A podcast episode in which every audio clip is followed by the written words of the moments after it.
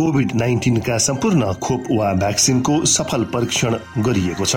यी भ्याक्सिन लिनाले हामी गम्भीर बिरामी हुनबाट जोगिन सक्छौ त्यसैले तपाईँ पनि यो खोप लिनुहोस्।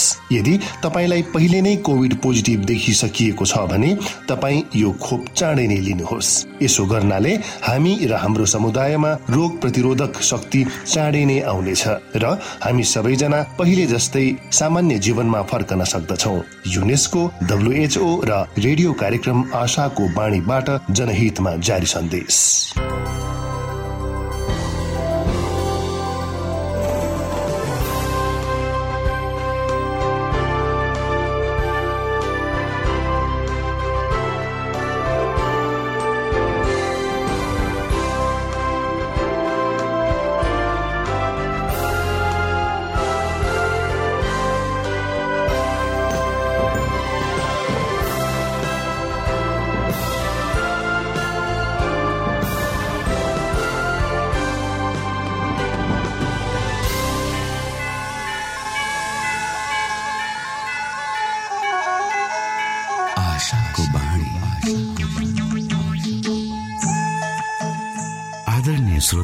नमस्कार।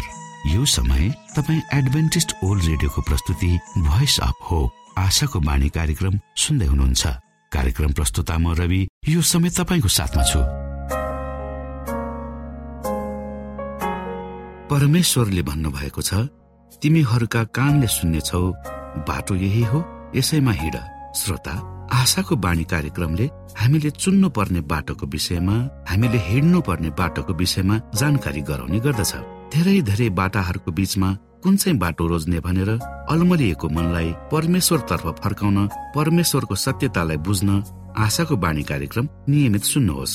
तपाईँले सही बाटो सत्य जीवन र प्रभु येशु क्रिस्टलाई भेट्नुहुनेछ। आउनु श्रोता हामी हाम्रो मुख्य कार्यक्रममा जानु अगाडि आज पनि सुन्नेछौ यो मधुर क्रिस्टीय भजन।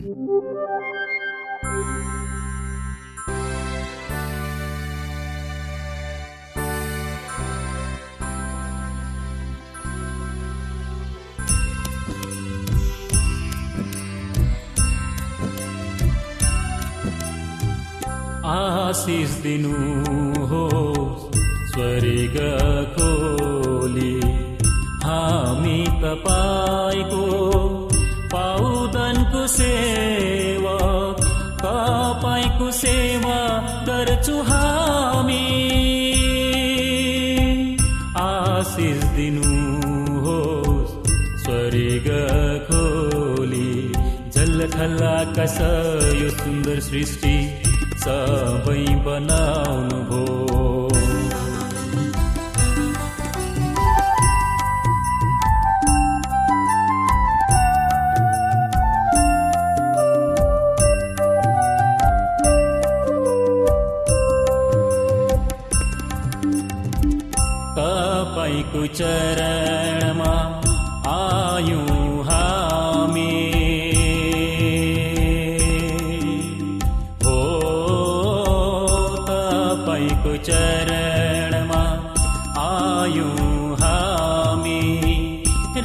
छैन संसारमा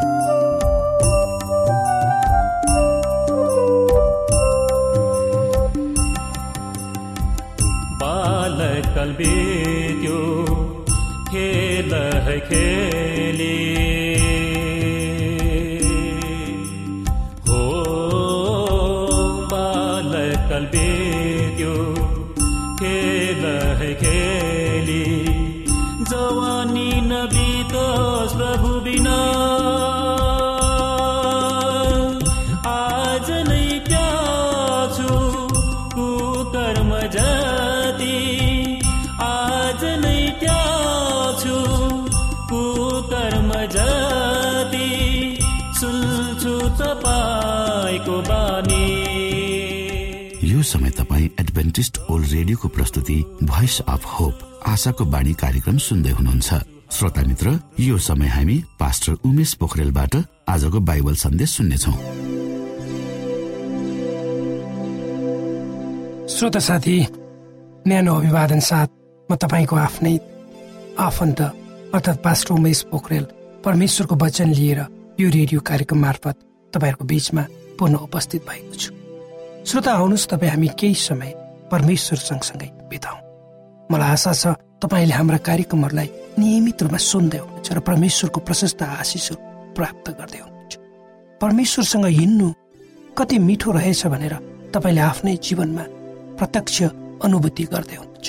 श्रोता तपाईँलाई हामी परमेश्वरको अनन्ततातिर डोहोऱ्याउन चाहन्छौँ यो कार्यक्रम यदि तपाईँका कुनै सरसल्लाहहरू छन् जिज्ञासाहरू छन् तपाईँ आफ्ना दुःख सुखहरू हामीसँग बाँड्न चाहनुहुन्छ भने कृपया गरेर हाम्रो पत्र व्यवहारको ठेगानामा हामीलाई लेखेर पठाइदिनु भयो भने हामी तपाईँप्रति आभारी हुन्थ्यौँ। आजको प्रस्तुतिलाई पस्कनुभन्दा पहिले आउनुहोस् हामी परमेश्वरमा बिन्ती राखौँ।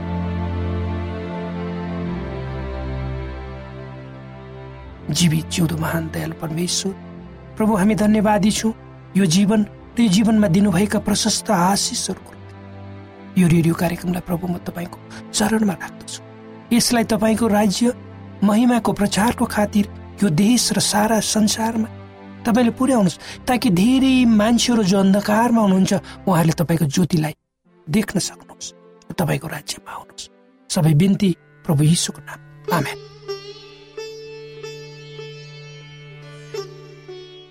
श्रोत साथी किन मानिसको सम्बन्धमा रिस बीचमा आउँछ? तपाईँ हामी किन बारम्बार रिसाउँछौँ वा झर्कन्छौँ? रिसाउने वा झर्को मान्ने स्वभावहरू हामी सबै मानिसमा पाइन्छ। यदि यो छैन भने हाम्रो मानवीय स्वभावमा केही कुरो कम कमी छ भनेर हामीले जान्नुपर्छ। यी कुराहरूलाई हामीले हाम्रो जीवनसँगै लिएर अगाडि बढ्छौँ। यसबाट हामी छुटकारा पाउन सक्दैन। आफ्नै कुरा गर्दैछु म। म पनि झर्नक्क रिसाउँछु र झर्कन्छु। किन त यसको उत्तर मैले खोज्दा म रिसाउनु र झर्कनुको कारण मेरो स्वार्थी स्वभाव। यो एउटा व्यक्तिगत महत्वलाई स्थान दिएर त्यस बेलाको परिस्थितिबाट उत्पन्न हुने परिणाम हो। के तपाईँ दिनभरि काम गरेर थाकेर घरभित्र पस्न साथ तपाईँको परिवारले गरेको गुनासो सुनेर झर्केर रिसाउनु भएको छ कहिले? वा छोराले यो भएन त्यो भएन भनेको सुनेर तपाईँ रिसाउनु भएको छ? म रिसाएको छु श्रोता। जब एउटा कुरालाई दुई वा दुईभन्दा बेसी व्यक्तिहरूले भिन्न भिन्न रूपले हेर्छन् अनि उनीहरूको बीचमा उक्त अवस्था र वस्तुको बारेमा एकरूपता हुँदैन तब त्यहाँ रिस उठ्छ। हामी विश्वास गर्छौँ कुनै कुरा यस्तो नभएको भए वा नघटेको भए हुने थियो तर भयो। त्यसप्रति हामी असन्तोष व्यक्त गर्छौँ र हामी उक्त कुरा हाम्रो विचार अनुसार हुनु पर्थ्यो भनी सोध्दछौँ र हामी वास्तविक सत्य वा यथार्थलाई नकाट्दछौँ त्यसभन्दा बेसी जसरी हामीलाई सोच्ने वा विचार गर्ने वा कुनै विषयमा आफ्नो मत राख्ने अधिकार छ त्यो अधिकार अरूलाई समान रूपमा छ भन्ने कुरालाई जब हामी नकार्छौँ तब त्यसले रिस उठाउँछ विवाद ल्याउँछ। विशेष गरी हामीमा मैले नै भनेको कुरा ठिक हो म नै ठिक हुँ र अरू गलत हुन् भन्ने भावनाले मलजल गर्ने अवसर पाउँछ तब मानिसमा रिस उठ्छ। सैतानले हामीलाई यो विश्वास दिलाउँछ कि यदि हामी रिसायौँ वा झोक्यौँ भने हामी जित्न सक्छौँ वा हाम्रो आफ्नो विचारलाई सही रूपमा प्रस्तुत गर्न सक्दछौँ र हामीले अरूलाई नियन्त्रणमा राख्न सक्दछौँ। अझ अरूसँग प्रतिस्पर्धा गर्न सक्छौँ र हाम्रो हात सबैको भन्दा माथि उठ्छ हुन्छ। समस्याको समाधानको निम्ति प्रयास गर्नुको साटो हामी बारम्बार झर्को मान्ने तथा रिसाउने गर्छौँ। र अरू मानिसहरूलाई तल्लो पार्ने कोसिस गर्दछौँ। मानिसलाई तल्लो रूपमा हेर्छौँ। यस्तो अवस्थामा भएर हामी गुज्रियो भने स्वभावले पापमा पर्छौँ र अरूसँग हाम्रो सम्बन्ध पनि बिग्रिन्छ। धार्मिक स्वभावको आफ्नै स्थान छ रिसले मानिसलाई पापतर्फ डोर्याउँछ र यो परमेश्वरको विरुद्धमा हुन्छ। श्रोता साथी हाम्रो परिवार हाम्रो परमेश्वर रिसाउनमा ढिलो हुनुहुन्छ। यद्यपि हामी प्रत्येक दिन हामीले गर्ने काममा उहाँलाई नकार्छौँ। तल पार्छौँ। तर पनि उहाँको अतुलनीय प्रेमले रिसको ठाउँ लिन्छ। यद्यपि हामी उहाँको विरुद्धमा जान्छौँ तर पनि उहाँ रिसाउनुहुन्। हामीहरू परमेश्वरकी दयाको कारण जीवित छौँ। परमप्रभुले व्यक्तिगत रिसको अनुभव गर्नु भएन। किनकि उहाँका आँखाहरू सदैव दयाले भरिएका हुन्थे। उहाँ ती हताश र निराश भएका सतावटमा परेका मानिसहरूद्वारा डोहोऱ्याइनुहुन्थ्यो जो जो उहाँ कहाँ आए हामी जस्तै उहाँ हुनुहुन्थ्यो। उहाँका आफ्नै मानिसहरूले उहाँलाई व्यवस्था गरे वा धोका दिए। त्यसको मूल्य उहाँले आफ्नो जीवन दिएर चुकाउनु। तर पनि उहाँ रिसाउनु भएन। तर उहाँले भन्नुभयो पिता तिनीहरूलाई क्षमा दिनुहोस्। उहाँले आफूलाई सताउनेको निम्ति प्रार्थना गर्नु किनकि उनीहरूलाई थाहा छैन तिनीहरू के गर्दैछन् भनी। कस्तो महान उदाहरण। एक धैर्यताको एक प्रेमको एक सहनशीलताको। पावल प्रेरितले हामीलाई यहाँ यसरी सल्लाह दिन्छन् तिमीहरूमा यस्तो मन होस् जो क्रिस्ट यसुमा पनि थियो। यसुले सबै मानिसहरूमा दयापूर्वक व्यवहार गर्नुभयो। उहाँका शत्रुहरूसँग पनि उहाँले सबै मानिसहरूलाई उनीहरू महत्त्वपूर्ण छन् भन्ने अनुभूति दिनु। रिसले गर्दा धेरै समस्याहरू हाम्रो जीवनमा वा परिवारमा वा समाजमा आउँछ। यो कुनै रूपमा पनि असल होइन। यसरी हाम्रो बाहिरी एवं भित्री स्वरूपमा यसले ठुलो असर पार्छ। यसले हाम्रो अरूसँगको सम्बन्धमा असर पार्छ। हामीले हाम्रो जीवनमा असल उदाहरणयुक्त जीवन जिउनु पर्छ तर रिसले भरिएको हाम्रो स्वभावले हामीलाई असल भएर जिउन सहयोग गर्दैन। हामीहरू आत्मसंयम हुनुपर्छ र हामीलाई रिसले नियन्त्रण गर्नु हुँदैन। यदि गर्यो भने हाम्रो नाश हुन्छ। हाम्रो मात्र नाश हुँदैन। त्यसले हामी वरिपरि भएको। हाम्रो आफन्तहरू हाम्रो परिवार हाम्रो समाजमा पनि ठुलो असर पार्दछ। यदि तपाईँ हामी आत्मसंयम नभई रिसले नियन्त्रित भएर अगाडि बढ्यो भने निश्चय हाम्रो जीवन धरापमा पर्छ। परिरहेको त्यसैले त पवित्र धर्मशास्त्र बाइबलको भजन सङ्ग्रह एक सय पैँतालिस अध्यायको आठ पदमा परमेश्वरको विषयमा यसरी लेखिएको छ। परमप्रभु अनुग्रही र ठिठालो हुनुहुन्छ। क्रोध गर्नमा ढिलो र अति करुणामय हुनुहुन्छ। श्रोता साथी जब तपाईँ हामी अरू मानिसहरूको उन्नति र प्रगति देख्छौँ तब हामीमा डाहा उत्पन्न हुन्छ र हामी ती व्यक्तिहरूको विचारमा विषयमा नराम्रा टिका टिप्पणीहरू गर्न थाल्छौँ। र भन्छौँ उनीहरूको सफलता केवल यस संसारको निम्ति मात्र हो र अर्को संसारको लागि तिनीहरू छैन। यो मानवीय स्वभाव यसमा तपाईँ हामी माथि उठ्नुपर्छ। किनकि परमेश्वरले संसारका सबै मानिसहरूलाई आफ्ना छोरा छोरीको रूपमा समान तवरले हेर्नुहुन्छ। र कसैमा पनि उहाँले भेदभाव राख्नुहुन्न। उहाँ चाहनुहुन्छ सबै मानिसले उहाँको बाटो रोजुन् उहाँको मुक्तिको अनुभव गर्न सकुन् र उनीहरूको निम्ति उहाँले तयार गर्नुभएको पुरस्कार प्राप्त गरून् त्यसैले त भनिन्छ जो परमेश्वरमाथि भरोसा र आशा राख्दछ तिनीहरूको निम्ति उहाँले पुरस्कार तयार गर्नुभएको छ। त्यसैले पवित्र धर्मशास्त्र बाइबलको हितोपदेशक तेइस अध्यायको सत्र अठार पदमा यसरी लेखिएको छ। तेरो हृदयलाई पापीहरूको डाहा गर्न नदे तर परमप्रभुको भएको निम्ति उत्सुक भइर निश्चय नै भविष्यमा तेरो निम्ति आशा छ र तेरो आशा व्यर्थ जाने छैन। हो श्रोता साथी जसले परमेश्वरमा भरोसा राख्छ त्यसको निम्ति आशा छ र उसको आशा व्यर्थमा जाँदैन। यो आशा अहिलेको निम्ति नै हो त्यसैले प्रभु येसुले भन्नुभयो म त तिनीहरूले जीवन पाउन् र त्यो प्रशस्त मात्र पाउन् भन्ने हेतुले आए। परमेश्वरको वचनले हाम्रो शारीरिक एवं आत्मिकी प्रशस्तताको कुरा गर्दछ। र हामी शुद्ध स्वस्थ र एवं मानसिक रूपमा राम्ररी जिउँ भन्ने परमेश्वरको इच्छा। जब तपाईँ हामी स्वस्थ छौँ तब मात्र हामी राम्ररी परमेश्वरको सेवा गर्न सक्दछौँ।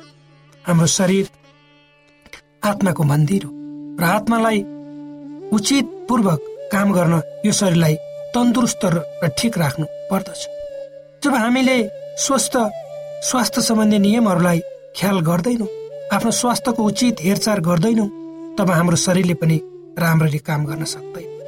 परमेश्वरको निर्देशनलाई मान्नु भनेको असल र राम्रो जीवन यो संसारमा रहँदा जिउनु हो जसबाट तपाईँ र मैले आशिष र आनन्द प्राप्त गर्न सक्छौँ भने अरूहरूको लागि हाम्रो जीवनमा आशिषहरू अरूहरूले हाम्रो जीवनबाट आशिषहरू प्राप्त गर्नेछन् र जिउने ऊर्जाहरू प्राप्त गर्नेछ तपाईँ र मेरो स्वस्थ जीवन शैलीले परमेश्वरको महिमा गर्नेछ र धेरै मानिसहरूले परमेश्वरलाई चिन्ने मौका पाउन्।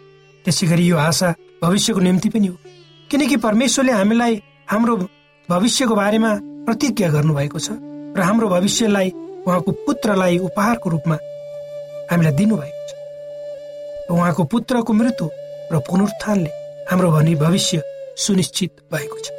एउटा बाटो तयार गरिएको छ जसद्वारा हामीहरू परमेश्वरको प्रशस्त आशिषहरू मार्फत जिउन जिउनेछौँ वा जिउन सक्नेछौँ। आफू स्वर्गमा जानुभन्दा पहिले प्रभु येसुले आफ्ना चेलाहरूलाई भरोसा दिलाउँदै यसो भन्नु। त्यसो नभए के म तिमीहरूलाई भन्ने थिएँ कि तिमीहरूका निम्ति ठाउँ तयार गर्न म गइरहेको छु। अनि गएर मैले तिमीहरूका निम्ति ठाउँ तयार पारेपछि म फेरि आउनेछु र तिमीहरूलाई म कहाँमा लैजानेछु र जहाँ म छु त्यहाँ तिमीहरू पनि हुनेछ। यो प्रतिज्ञा तपाईँ र मलाई जो उहाँका चेला छौ सबैको लागि दिएको। यो आशा तिनीहरूको लागि जसले आफ्ना पापहरू धोएका छन्। ती मानिसहरू जसले संसारसँग आफ्नो नाता तोडेका छन् त्यसकारण परमेश्वरसँग डराउँ उहाँले दिनुभएको आशामा भरोसा राखौँ र आफ्नो जीवनलाई अगाडि बढाउँ। आमेन।